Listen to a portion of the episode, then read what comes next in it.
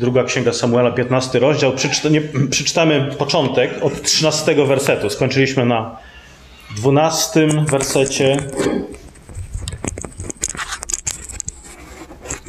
Dzisiaj od 13. Gdy do Dawida przybył zwiastun z wieścią, przychylność mężów izraelskich jest po stronie Absaloma. Dawid rzekł do wszystkich swoich sług, którzy z nim byli w Jeruzalemie: Ruszajcie i uchodźmy, bo inaczej nie uratujemy się przed Absalomem. Pospieszcie Pospieszcie się z wymarszem, aby nas znienacka nie napadł i nie sprowadził na nas klęski i nie wybił mieszkańców miasta ostrzem miecza. Na to rzekli słudzy królewscy do króla, co tylko postanowi nasz pan, król, my, twoi słudzy, jesteśmy przy tobie.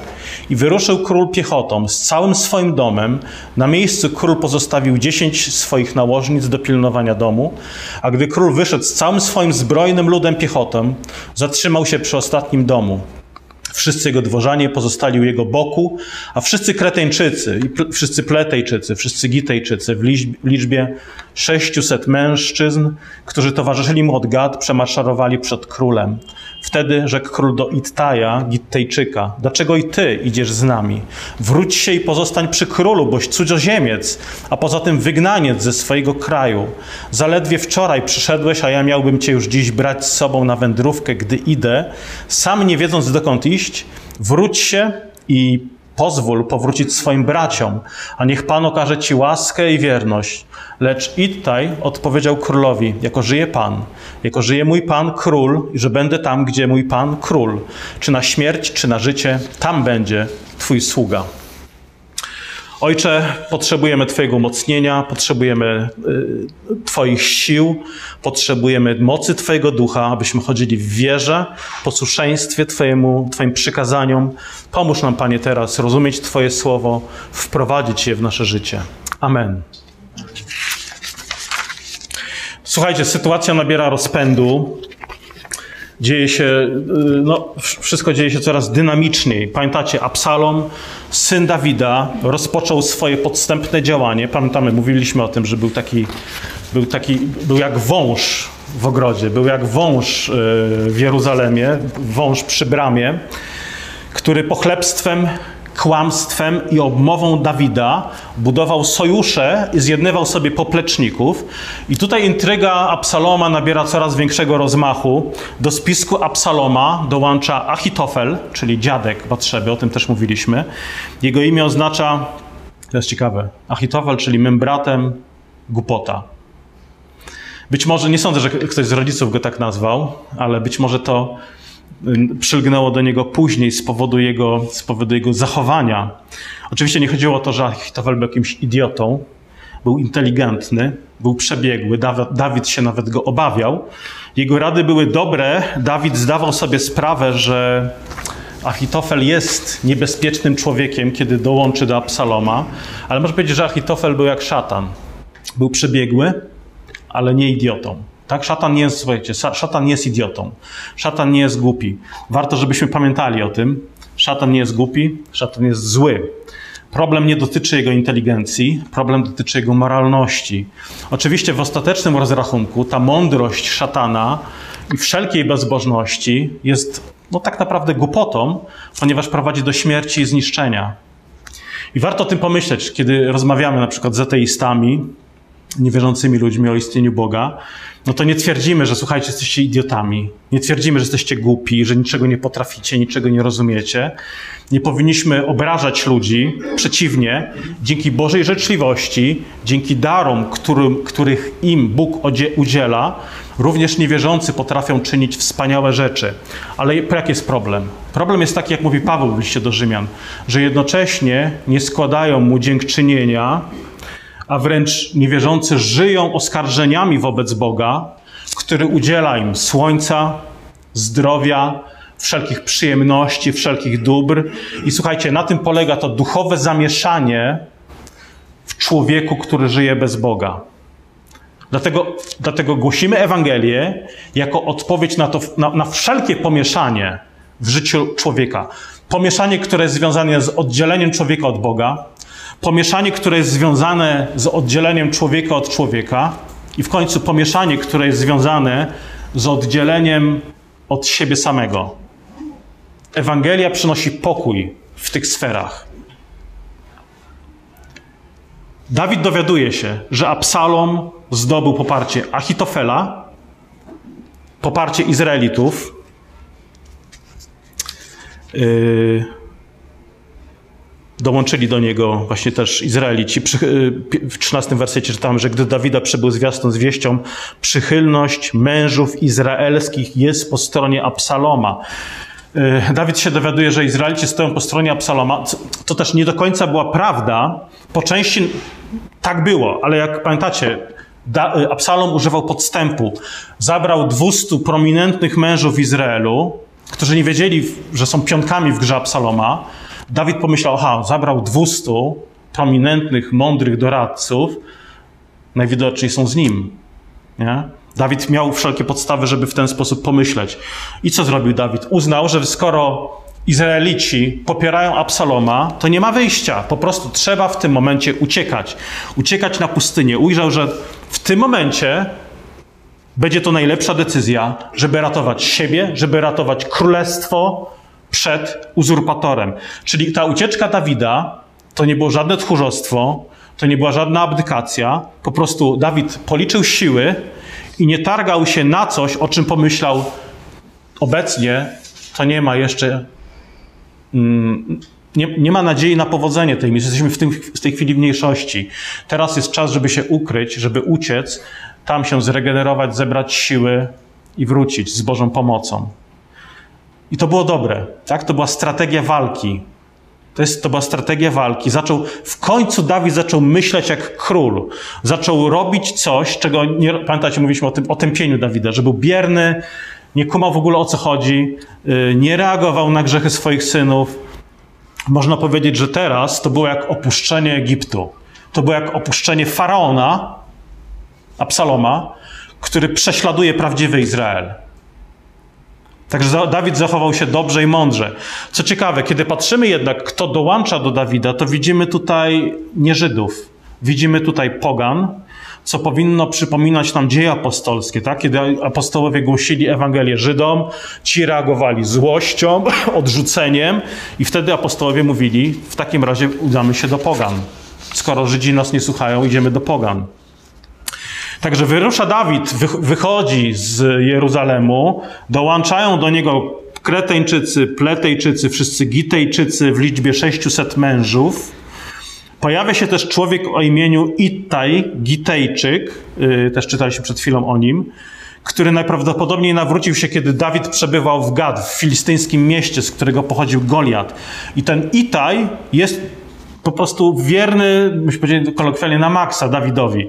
Jako żyje Pan, bo Dawid mówi, słuchaj, możesz wrócić, po, po, po, y, wróć, pozwól powrócić swoim braciom, a Pan okaże ci łaskę i wierność. Dawid nawet nie oczekiwał, że ten Ittaj Gitejczyk dołączy do niego. Na co Ittaj odpowiada, 21 werset, jako żyje Pan, jako żyje mój Pan Król, że będę tam, gdzie będzie mój Pan Król, czy na śmierć, czy na życie, tam będzie Twój sługa. Wtedy Dawid rzekł do Itaja, idź wtedy i przemaszeruj. I przemaszerował Itaj Gitejczyk wraz ze swoimi wojownikami, całą gromadą kobiet i dzieci, które były z nim. Czyli Itaj jest nie tylko sojusznikiem Dawida, Ita jest, może być prawdziwym przyjacielem. Ita jest prawdziwym przyjacielem. To a propos też e, ostatnio też fajne, a propos przyjaźni i takiego mm, no, prawdziwego sojuszu, przyglęcia sercem do, do przyjaciela. E, też znalazłem obrazek w, w internecie, gdzie był napis e, nie mów mi, co powiedzieli ci o mnie, Powiedz raczej, co ty powiedziałeś im, żeby mnie bronić. I myślę, że takim człowiekiem właśnie był Itaj Gitejczyk. Przylgnął sercem do Dawida, kiedy Dawid powiedział: Nie, nie, nie to jest niebezpieczna misja, możesz wrócić. To powiedział: Nie, jako żyje mój Pan, będę tam, gdzie mój Pan, król, czy na śmierć, czy na życie. No to jest, to, to, to jest, że jest więcej niż sługa, słuchaj, to nie jest żaden sługa, to jest, to jest przyjaciel, który przylgnął do Dawida na dobre i na złe. I ta historia przypomina też ten wcześniejszy epizod y, z życia Dawida, kiedy uciekał przed Saulem. I wtedy też, to, to, to nie Żydzi, ale to właśnie Filistyńczycy udzielili mu wsparcia, można powiedzieć azylu. Tutaj spiskuje przeciwko niemu kolejny człowiek, i to, i to jego własny syn, Absalom, I ponownie widzimy, że to poganie, że to właśnie ci Pletejczycy, Kretejczycy, Gitejczycy, ten Itaj, właśnie Gitejczyk, oni są przy Dawidzie w tym trudnym dla niego czasie. Czyli nie każdy, tak jak mówi Nowy Testament, nie każdy, kto, jest, kto pochodzi z Izraela, jest prawdziwym Żydem. Nie każdy, kto jest chrześcijaninem, jest chrześcijaninem. Nie każdy, kto jest chrześcijaninem zewnętrznie, jest ochrzczony, jest członkiem Kościoła, jest chrześcijaninem wewnętrznie. I to też pokazuje, że Bóg nie ma względu na osobę. Czyli to nie jest tak, że, że w Starym Testamencie Bóg e, w szczególny sposób honorował krew żydowską, natomiast gardził poganami. Nie, tu już widzimy, że zawsze na pierwszym miejscu, zawsze dla Boga liczyła się wiara, a nie pochodzenie. I tak jest dzisiaj. Do dzisiaj. I tak zawsze będzie. Nie pochodzenie, nie status, nie wiek, nie płeć, ale wiara czynna w miłości. Miły mu jest ten, kto pełni jego wolę. I tutaj widzimy tych właśnie pogan, którzy stoją murem z Dawidem. Z Jezusem było podobnie. Został odrzucony przez swoich i przyjęty przez pogan. Nawet w Ewangeliach kilka razy Pan Jezus chwali wiarę na przykład Greków, mówiąc, że nawet, albo Rzymian, mówiąc, że mm, nawet w Izraelu takiej wiary nie znalazłem. Cały kraj głośno płakał, gdy, zbroj, gdy zbrojny lud przemaszerował. Król zaś przeprawił się przed potok Kidron, a cały lud zbrojny przyszedł drogą w kierunku pustyni. Ten potok Kidram, Kidrom oddzielał Jerozolimę od Góry Oliwnej, która miała długie wzniesienie w kierunku wschodnim i która po drugiej stronie opadała w kierunku Jordanu. Czyli plan Dawida polegał na ucieczce przez Jordan na pustynię, ale co ważne, to też można powiedzieć nieznaczący epizod, ale też krótkie przypomnienie. On, Dawid wędrował z Jeruzalemu, miejsce, można powiedzieć, Bożej obecności, gdzie była arka, przybytek Boży, opuścił Jerozolimę, szedł w kierunku wschodnim. Przypominam tylko, tak, to już wiecie, podróż na wschód, Zuzia przeczytała chyba książkę Na wschód od Edenu. Chyba Kajetan też niektórzy. Tak czytaliście albo widzicie film Na wschód od Edenu. To też, to jest, to jest też symbolika biblijna. Podróż na wschód, podróż na wschód w Biblii symbolizuje oddalanie się od Bożej obecności. Pamiętacie, Adam i Ewa zostali wygnani na wschód od Edenu po tym, jak zgrzeszyli w ogrodzie. Później Izraelici, kiedy poszli do niewoli babilońskiej, to również był kierunek wschodni od ziemi, którą Bóg im dał, czyli wyjście na wschód to jest kryzys. To jest ciemność, to jest wyjście na Golgotę, wyjście poza obóz. Ale widzimy, i to jest, może być ten epizod w życiu Dawida, ale widzimy, że Bóg nie pozostawia Dawida na wygnaniu. Wkrótce Dawid powraca jako zwycięzca. I to jest, myślę, też dla nas powinna być ogromna pociecha, że, że Bóg nie pozostawia nas na wschód od Edenu, od miejsca swojej obecności. Przez Chrystusa możemy powrócić do Boga, do miejsca Bożej obecności, do ogrodu, do Bożego sanktuarium i swoją drogą tę historię powrotu ze wschodu od Edenu opowiada nabożeństwo. To jest, to jest historia, w której uczestniczymy, można powiedzieć, co tydzień, kiedy mamy powołanie, przebaczenie, poświęcenie, posilenie i rozesłanie. Zbliżamy się e, do miejsca Najświętszego. E, jak wiecie, cheruby z ognistymi mieczami strzegły wejścia do ogrodu po upadku. To jest ten moment, kiedy ofiara w Starym Testamencie była zabijana, następnie spalana y, w miejsce grzesznika. I to jest ten moment w czasie nabożeństwa, kiedy klękamy, kiedy wyznajemy nasze grzechy, kiedy nasze grzechy są złożone na Chrystusa. Bóg, można powiedzieć, wpuszcza nas do ogrodu, do miejsca Najświętszego, gdzie do nas przemawia poprzez czytania, poprzez zwiastowanie Słowa Bożego, a następnie zaprasza nas do społeczności spożywania chleba i wina przy stole pańskim. Kiedy Dawid ze zbrojnym ludem przeszli ten potok Kidron między Jeruzalemem a Górą Oliwną, dowiadujemy się, że wśród ludzi, y, którzy byli z nim, był kapłan Sadok razem z lewitami, którzy nieśli Arkę Przymierza. I to są wersety od 24. Posłuchajcie, 24 werset, czyli co się dzieje. Czytamy, kto, kto dołączył do Dawida, kiedy on opuścił Jeruzalem. Był także wśród nich Sadok wraz ze wszystkimi lewitami noszącymi skrzynię Przymierza Bożego. Ebiatar zaś złożył ofiarę całopalną i pos postawili skrzynię Bożą, dopóki nie wyszedł z miasta cały lud. Lecz król rzekł do Sadoka, każ odnieść skrzynię Bożą z powrotem do miasta. Jeżeli bowiem znajdę łaskę w oczach Pana, to pozwoli mi powrócić, znowu oglądać ją i jej przybytek. Jeżeli tak Pan orzekł, nie mam w tobie upodobania, to oto jestem. Niech mi uczyni, co mu się podoba. Nadto rzekł król do Sadoko kapłana, baczcie, powróćcie ty i Ebiatar spokojnie do miasta, również Achimaas, twój syn, Jonatan, syn Ebiatara, obaj wasi synowie wraz z wami. Baczcie też, oto ja będę czekał przy brodach jordańskich na pustyni, dopóki nie przyjdzie od was wieść powiadamiająca mnie. Kazali więc Sadok i Ebiatar odnieść skrzynię Bożą do Jeruzalemu i pozostali tam obaj. Czyli kapłani chcieli y, przynieść skrzynię przymierza pańskiego wraz z Dawid, do Dawida, wynieść ją poza obóz. Być może myśleli, że Arka Przymierza, kiedy będzie tutaj w otoczeniu Dawida, przyniesie w jakiś sposób przychylność i ochronę dla Dawida. Natomiast Dawid oznajmia, słuchajcie, odnieście z powrotem. Odnieście Arkę Przymierza z powrotem do Jeruzalemu, gdzie jest jej miejsce, zgodnie z Bożym zarządzeniem, dlatego że jeżeli to, co robi Dawid, on, on to wyznaje, niech Pan będzie świadkiem. Jeżeli ja robię coś, co nie podoba się Bogu, to obecność Arki Przymierza pośród nas niczego nie poprawi. W żaden sposób nie poprawi naszej sytuacji. I Izraelici się o tym dobitnie przekonali w walce, pamiętacie, z Filistynami, kiedy na bitwę wzięli Arkę Przymierza, myśląc, że to jak, że posłuży jako talizman. No, będzie Arka z nami, będziemy walczyć i dzięki Arce zwyciężymy. Potraktowali Arkę jak jakiś magiczny przedmiot, jak, jakiś talizman. Wiemy, jak to się skończyło porażką druzgocącą dla Izraela i skrzynią przymierza, która przeszła, można powiedzieć, do obozu filistyńskiego. Innymi słowy, jeżeli yy, nasze życie odbiega od Bożych przykazań, to słuchajcie, żadna arka przymierza, żadne uosobienie Bożej przychylności czy obecności nie zaskarbi nam Bożej łaski. Ani chrzest, ani wieczerza, ani śpiew, ani modlitwa nie poprawią naszej sytuacji, jeżeli nasze życie odbiega na co dzień od Bożych przykazań, dlatego że Bóg chce szczerego serca. I to nie, oczywiście nie było tak, że Dawid lekceważył skrzynię przymierza. Nie mówił, a to wszystko jedno, to taki, to taki przed, taka skrzynia jak wiele innych. Nie, to nie była skrzynia jak wiele innych, on o tym wiedział, ale nie chciał jej traktować jak talizmanu, który automatycznie zsyła Boże błogosławieństwo. I wszyscy, na których Dawid wydawałoby się, że mógł liczyć, opuścili go.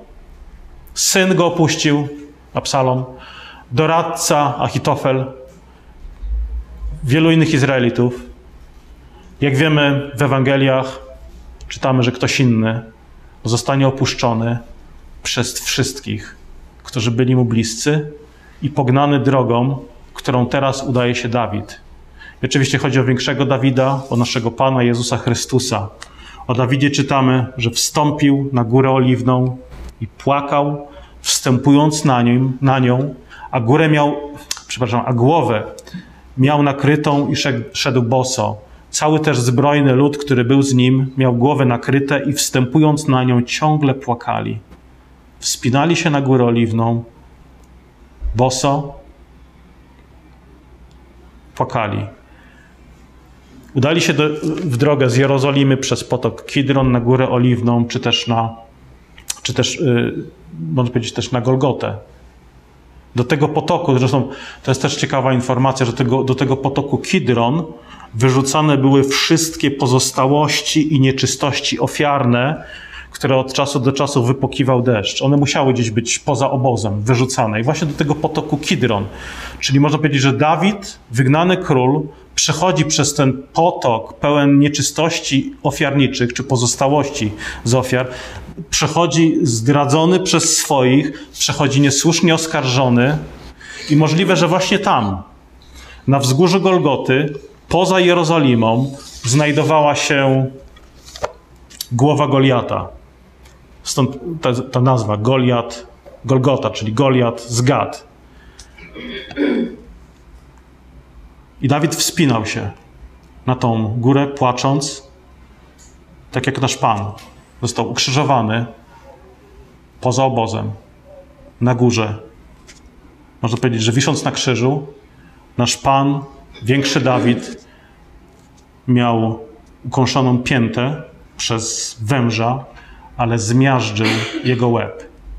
Czyli można powiedzieć pod krzyżem, prawdopodobnie, to jest całkiem możliwe, że znajdowała się fizycznie głowa Goliata, węża, który zwiódł, który bluźnił przeciwko Bogu i jego pomazańcowi.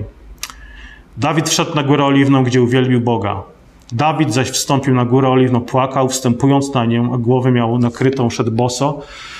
Yy, to jest też ciekawe. Mówiliśmy o symbolice podążania na wschód, czyli podążanie na wschód oznacza w Biblii symbolikę oddalania się od Boga, ale też mamy tutaj symbolikę góry. Dawid wspinał się na górę, gdzie złożył Panu potem ofiarę. To też góry, warto przy tej okazji znowu przypomnieć, że góry symbolizują Bożą obecność. Biblijny ogród był w ziemi y, Eden, był położony na górze. Skąd o tym wiemy? No stąd, że rzeka wydobywała się z ziemi Eden, płynęła przez ogród i potem czytamy, że rozdzielała się na cztery odnogi. Czyli to pokazuje, że, że ogród i sama ziemia Eden y, no, były na wzniesieniu. Y, czyli Adam w ogrodzie, rozmawiając z Bogiem, rozmawiał z nim na górze. W całej Biblii góry i wzniesienia, wzgórza są miejscami, kiedy Bóg bardzo często spotyka się z człowiekiem. Pomyślcie o górze Synaj i Mojżeszu, pomyślcie o Samuelu, pomyślcie o Dawidzie, który sprowadza Arkę Przymierza do Jeruzalemu, też na wzniesieniu. Yy, buduje namiot na górze Synaj, gdzie odbywało się nabożeństwo z, użyciem instrumentów. Bóg instruuje Salom, Salomona, by zbudował świątynię na górze. Chrystus ukazuje się też, czytamy, na wysokiej górze. E, mamy przemienienie Chrystusa, kiedy objawia swoją chwałę Piotrowi, Janowi, Jakubowi w obecności Mojżesza i Eliasza. To też było na, na górze. Czyli biblijne spotkania w górach symbolizują odnowę więzi, odnowę przymierza Boga z człowiekiem. Symbolizują powrót do ogrodu.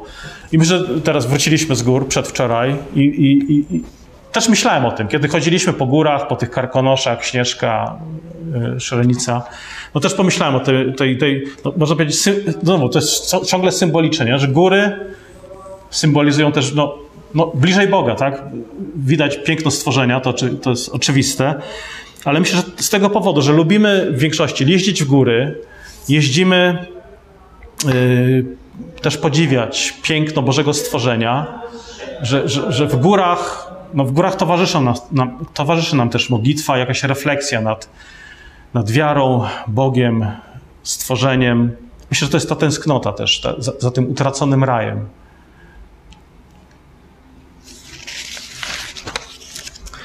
Gdy zaś doniesiono Dawidowi, że Achitofel jest między spiskowcami u Absaloma, Dawid rzekł: Obróć panie w niwecz radę Achitofela, czyli te, tego mądrego człowieka, a gdy Dawid wszedł na szczyt góry, gdzie zwykle oddawano pokłon Bogu, oto wyszedł naprzeciw niego Huszaj Arkijczyk w podartej szacie i z głową posypaną popiołem ziemi. Zaraz zobaczymy, co ten Huszaj, po co on tam przyszedł. Ale zobaczcie, Dawid się modli na miejscu, gdzie Bóg został uwielbiony. Dawid się modli. O co się modli? Panie, odrzuć radę Achitofela, tego doradcy, który staje przeciwko mnie. Dawid się modli o to. Pojawia się Huszaj natychmiast jako odpowiedź na modlitwę Dawida. Nie wiem, czy Dawid wyobrażał sobie, że Bóg odpowie mu w ten sposób, ale pojawienie się Huszaja jest Bożą odpowiedzią. Może zaskakującą, ale tak działa Bóg. W sposób dziwny, zaskakujący. I Dawid dostrzega, że Huszaj może służyć mu skuteczniej, jeżeli pójdzie do Jerozolimy Czyli Dawid mówi: Słuchaj, y, odsyła go z powrotem, żeby, żeby był blisko towarzystwa Absaloma. I w ten sposób uczynił tego Huszaja niejako szpiegiem, po to, żeby powstrzymał spisek Absaloma. Czyli zobaczcie, 33 werset. Dawid rzekł do niego: Jeżeli pójdziesz ze mną, będziesz mi ciężarem. Jeżeli natomiast wrócisz do miasta i powiesz do Absaloma: Sługą twoim chcę być królu, to był oczywiście podstęp, Byłem poprzednio sługą Twojego ojca, lecz teraz chcę być Twoim sługą. To obrócisz w Niwę czy Radę Achitofela. Będą tam z tobą i Sadok, Ebiatar, kapłani. Jakąkolwiek usłyszysz wiadomość z domu królewskiego, donieś o niej Sadokowi i Ebiatar, Ebiatarowi kapłanom. Są tam także z nimi dwa ich synowie, Achimas, syn Sadoka i Jonatan, syn Ebiatara. Przez nich przysyłajcie mi każdą wiadomość, jaką usłyszycie. I udał się Huszaj, przyjaciel Dawida, do miasta, a Psalom również przybył do Jeruzalemu. Czyli Dawid nagle no, odzyskuje wigor, odzyskuje trzeźwość myślenia i zaczyna reagować, zaczyna po prostu walczyć. Czyli Absalom oszukuje. Absalom, pamiętacie, oszukał najpierw Amnona, zapraszając go tam gdzieś tam na strzeżenie owiec czy na ucztę, po czym go tam zabija. Absalom oszukuje ludzi przeciwko Dawidowi. Absalom oszukuje samego Dawida i co się dzieje? Wkrótce sam zostanie oszukany. I, to, i, I tak to działa. Po prostu zbieramy to, co zasiejemy. Wąż oszukał kobietę w ogrodzie. Tutaj oblubienica, wierny lud, bo no, można powiedzieć uosobiony w Dawidzie, wyprowadza w pole węża. I teraz y, są, no wi wiadomo, są chrześcijanie, którzy by podważyli tutaj radę Dawida, mówiąc, że to było złe, to było kłamliwe, to było bezbożne. Tak pojawia się dylemat, czy działanie Dawida, który wysłał Huszaja, do towarzystwa Absaloma, czy to było słuszne, czy to było etyczne? No odpowiedź jest taka: Biblia nigdzie nie krytykuje tego działania. Przeciwnie, Huszaj był Bożą odpowiedzią na modlitwę. I powinniśmy tę sytuację przyrównać do Rahab, Wierycho, która też dała schronienie posłańcom izraelskim i wywiodła w pole strażników czy żołnierzy z Jericho, którzy pytali, gdzie ci szpiedzy izraelscy uciekli. Czyli Dawid stosuje strategię podstępu. Stosujemy strategię podstępu kiedy? W sytuacji wojny, w sytuacji, kiedy mamy do czynienia z wrogiem. Jeżeli stosujemy strategię podstępu, to oznajmiamy, mam do czynienia z wrogiem. Dlatego takie działanie nigdy nie powinno być uzasadnieniem dla jakiegoś szpiegostwa i podstępu w rodzinie, w kościele, tak? Dezinformacja jest strategią działań wobec wroga, nieprzyjaciół. Jeżeli tego typu działanie, podstępne działanie, mamy, z takim czymś mamy do czynienia, a zdarza się niestety, w rodzinach, w kościołach, ten urywek nie może być w żaden sposób uzasadnieniem dla takiego, dla takiego działania w rodzinie czy w kościele, bo to jest oznajmienie, jesteście moimi wrogami. Stawiam siebie w opozycji w stosunku do was. W tym przypadku to było uzasadnione dlatego że Dawid walczył w ten sposób przeciwko wężowi. Ale to też pokazuje nam, że nie możemy nakładać naszych uprzedzeń na Boże Słowo i wydawać opinii, które różniłyby się od natchnionego pisarza. Czyli ktoś powie, ale nie, no, moja wrażliwość jest taka, że tu Dawid nie powinien w ogóle okłamywać tego Absalom, nie powinien w ogóle wysyłać Huszaja, żeby szpiegował. Jeszcze ten Ebiatar i, i Sadok uczestniczyli w tym spisku. Słuchajcie, nasza wrażliwość powinna być kształtowana przez Boże Słowo. I dobrym przykładem jest Jezus. Z jednej strony odpowiadał szczerze na szczere pytania uczniów, ale niekiedy odpowiadał, kiedy faryzeusze go o coś, pytali, odpowiadał: Waszym ojcem jest diabeł. Niektórych chorych uzdrawiał, a innym, którzy mówili, pokaż nam znak, mówi, nie będzie żaden znak wam dany, poza znakiem Jonasza. Z jednej strony przy, przyjmował dzieci, błogosławił dzieci, a z drugiej strony też widzimy go w sytuacji, kiedy oburzał się, był zagniewany na przekupniu w świątyni. Czyli nasza wrażliwość powinna być kształtowana przez Boże Słowo. I zobaczcie, Dawid się modli wszystko wydawałoby się, no, że zaczęło się od zwykłej modlitwy. Tutaj Dawid, Panie, Dawid mówi, e, obróć Panie w niwę czy radę Ochitofela. I, I pojawia się Huszaj. Odpowiedź Huszaja to jest Boża odpowiedź i Boże narzędzie przeciwko konspiracji wrogów.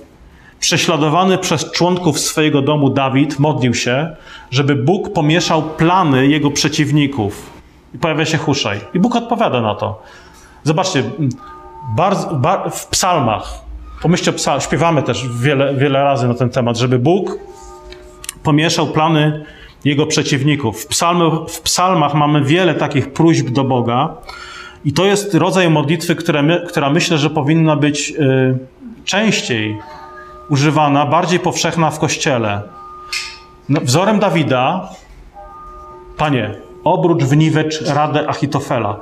Powinniśmy się modlić na przykład o panie, pomieszaj plany swoich wrogów, którzy knują jakieś bezbożne intrygi czy plany przeciwko, przeciwko ludziom. Panie, prosimy Cię o powstrzymanie bezbożności w kulturze, w szkole, jeżeli się wdziera, to też w, ko w kościołach, w rodzinach. Panie, prosimy Cię o udaremnienie y, knowań, spisków. Panie, prosimy Cię o obrócenie w niwecz rady tych, którzy chcą skłócić ludzi. Więc zobaczcie, Dawid się o te rzeczy modli. Panie, panie wni, proszę obróć w niwecz radę Achitofela. Dlaczego? Bo ta rada, ona jest dobra dla Absaloma. To jest, to, to jest mądry człowiek, który, jeżeli pójdzie Absalom za radami Achitofela, Dawid ma przegrane. Powinniśmy się o to modlić. Panie, obróć w niwecz knowania, plany ludzi, którzy spiskują przeciwko Tobie. Także nie powinniśmy, to też jest takie zastosowanie, nie powinniśmy naszych modlitw ubierać w taką sztuczną, plastikową powierzchowność, ale wzorem Dawida szczerze, wylewać serca przed Bogiem, upewnić się, że nasze motywacje są szczere, że chodzi o Bożą chwałę, chodzi o zwycięstwo dobra, a nie ostatecznie o, o, o mój personalny triumf w jakiejś potyczce z kimś, kto mnie nie lubi albo kogo ja nie lubię. Módlmy się między innymi słowami psalmów. Tam często pojawia się właśnie ten motyw Bożego uwolnienia od wrogów, od niesprawiedliwości.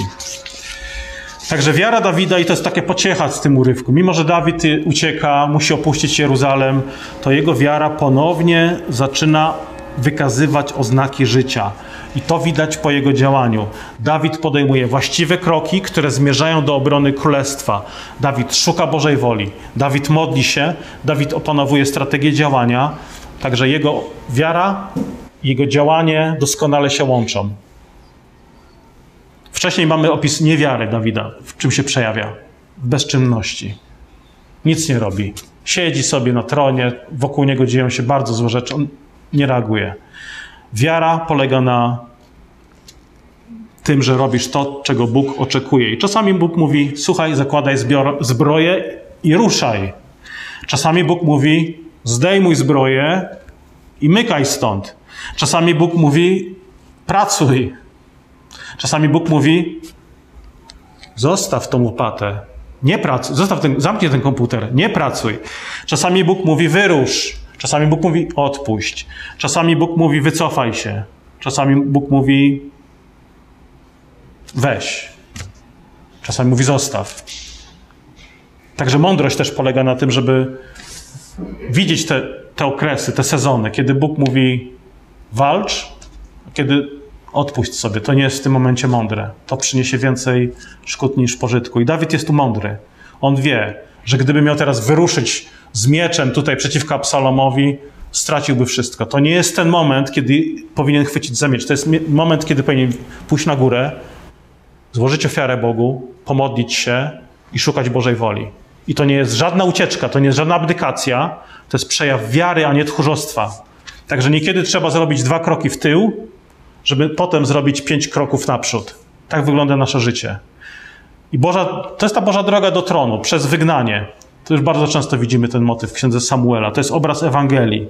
Droga do chwały zmartwychwstania wiedzie przez wygnanie, przez krzyż, który jest poza obozem, przez Chrystusa, który umarł na krzyżu.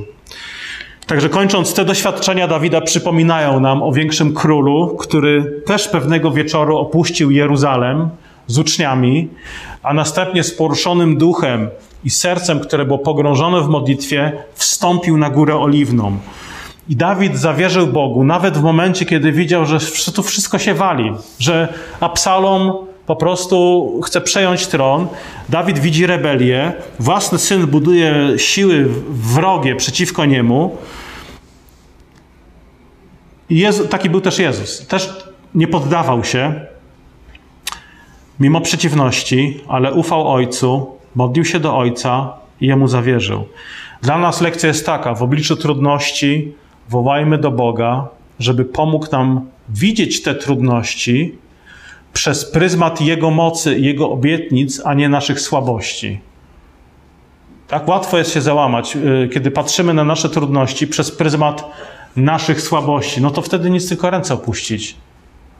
I całe wyzwanie też, też w mojej służbie, w moim życiu polega na tym, że kiedy są trudności, idź na tą górę, tak jak Dawid, módl się i spoglądaj na nie przez pryzmat nie swoich słabości, ale przez pryzmat Bożej mocy.